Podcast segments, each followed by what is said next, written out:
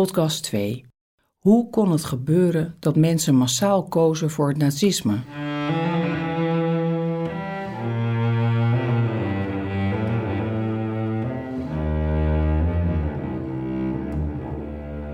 Welkom bij de tweede aflevering van deze podcastserie Jezuïeten en Verzet 75 jaar bevrijding, waarin we ons verdiepen in de inspirerende levens van Robert Regoe en Rupert Meyer. Twee Jezuïeten en verzetstrijders die de Tweede Wereldoorlog in alle hevigheid ondervonden. In deze aflevering bekijken we met hen de vraag: hoe heeft het zover kunnen komen dat het nazisme vrije doorgang kreeg?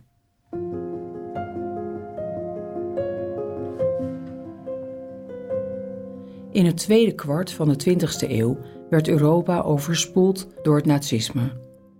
En dat in een eeuw waarin de techniek en industrie een hoge vlucht namen en gewone mensen meer en meer konden delen in het politieke besluitvormingsproces. In een eeuw waarin de welvaart voor velen toenam. Hoe kon het gebeuren dat in tijden van grote vooruitgang mensen massaal kozen voor de ideologie van de nazi's? Rupert Meyer krijgt Adolf Hitler al snel in het oog. Hij woont immers in München, de stad waar de nazi-partij haar wortels heeft. Meyer begint al snel nazi-bijeenkomsten te bezoeken en maakt aantekeningen van wat hij hoort. In een van zijn preken zegt hij: Hitler is een uitstekend volksredenaar, maar hij stookt en neemt het met de waarheid niet zo nauw.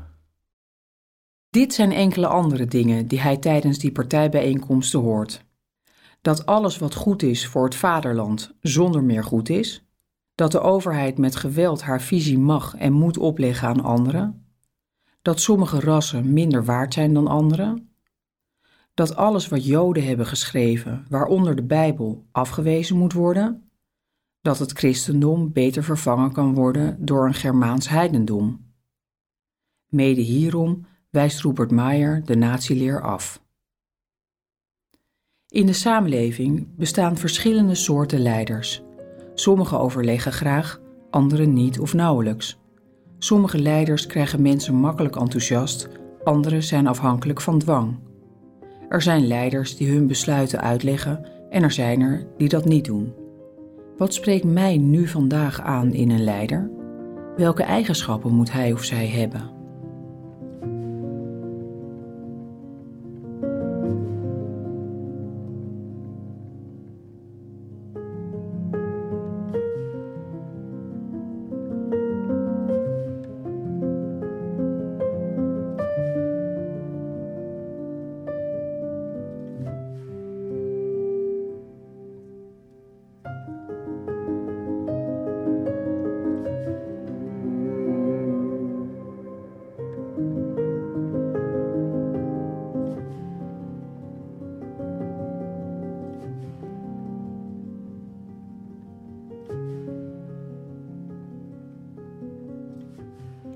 Woorden van een politicus, wanneer doen die iets met mij?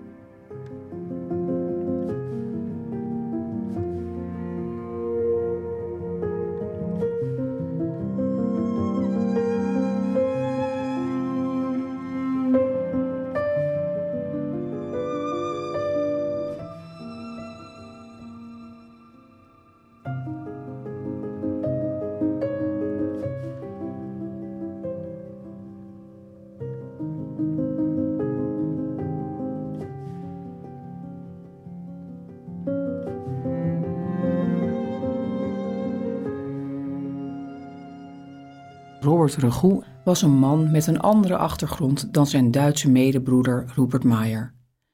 Regoes vader is minister geweest in Nederland en zelf bewandelde hij het intellectuele pad.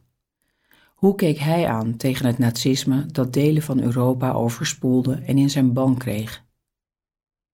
Dit zegt hij in zijn inaugurele reden begin 1940 uitgesproken toen hij buitengewoon hoogleraar internationaal recht werd. Het directe nationale belang bleek het leidende motief bij alle beslissingen. De ernstige wil ontbrak bij bijna alle mogendheden om offers van enige betekenis te brengen ten voordele van de volkerengemeenschap. Dit egoïsme en nationalisme is sindsdien eerder sterker dan zwakker geworden. Het blijft een sombere dreiging vormen voor de toekomst. Samenwerken kan een hele uitdaging zijn. Verschillen in verwachtingen kunnen een rol spelen. Moeizame communicatie werkt verstorend en soms is het moeilijk om de anderen te vertrouwen, vooral als de mensen met wie je samenwerkt onbekende en concurrenten zijn. Heb ik wel eens meegemaakt dat een samenwerking niet van de grond kwam? Hoe voelde dat?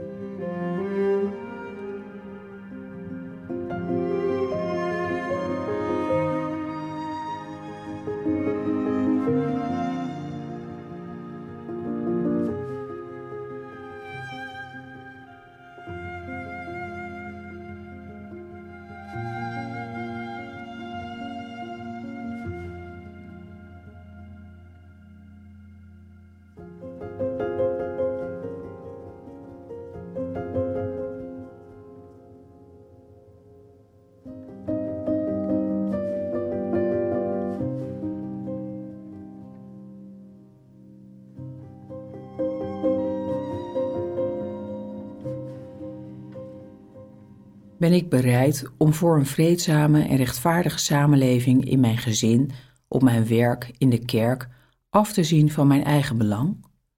Om op een of andere manier een offer te brengen, een extra stapje te zetten, of doe ik dat misschien al?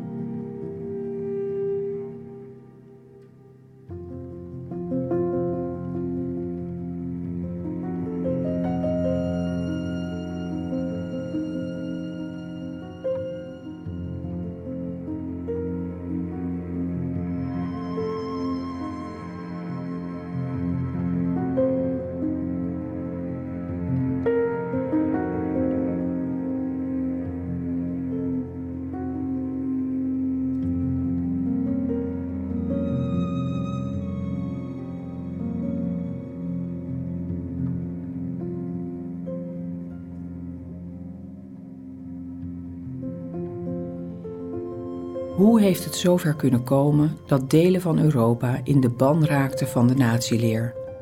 Robert Mayer en Robert Ragout legden de vinger op enkele zere plekken. De gevolgen ervan waren voor beide Jezuïeten desastreus, zoals we zullen ontdekken in de volgende aflevering van deze podcastserie Jezuïeten en Verzet 75 jaar bevrijding.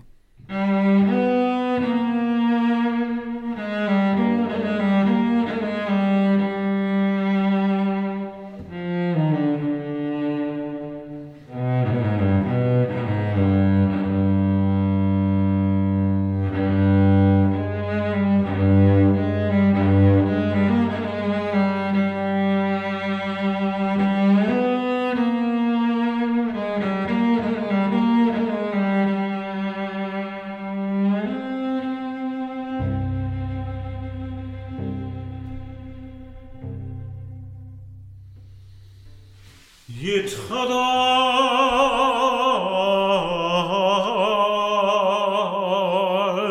ויתקדש שמר רבה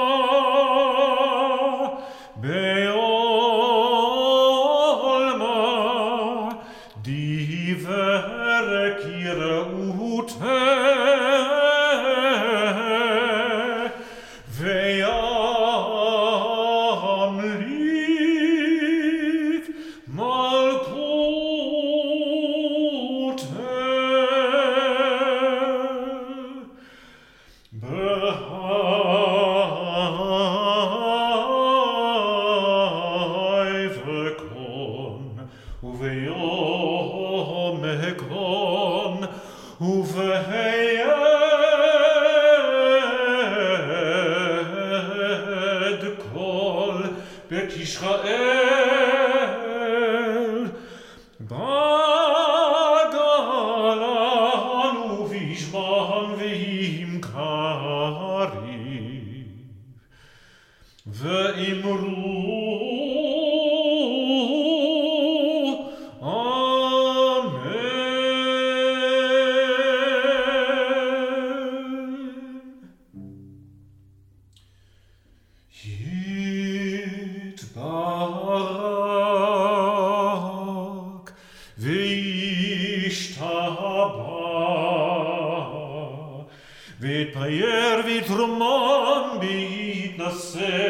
vita dar vita le veit halal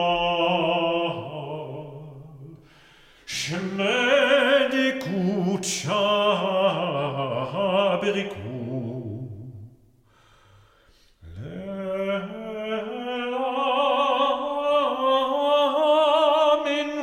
Birkata ve şirata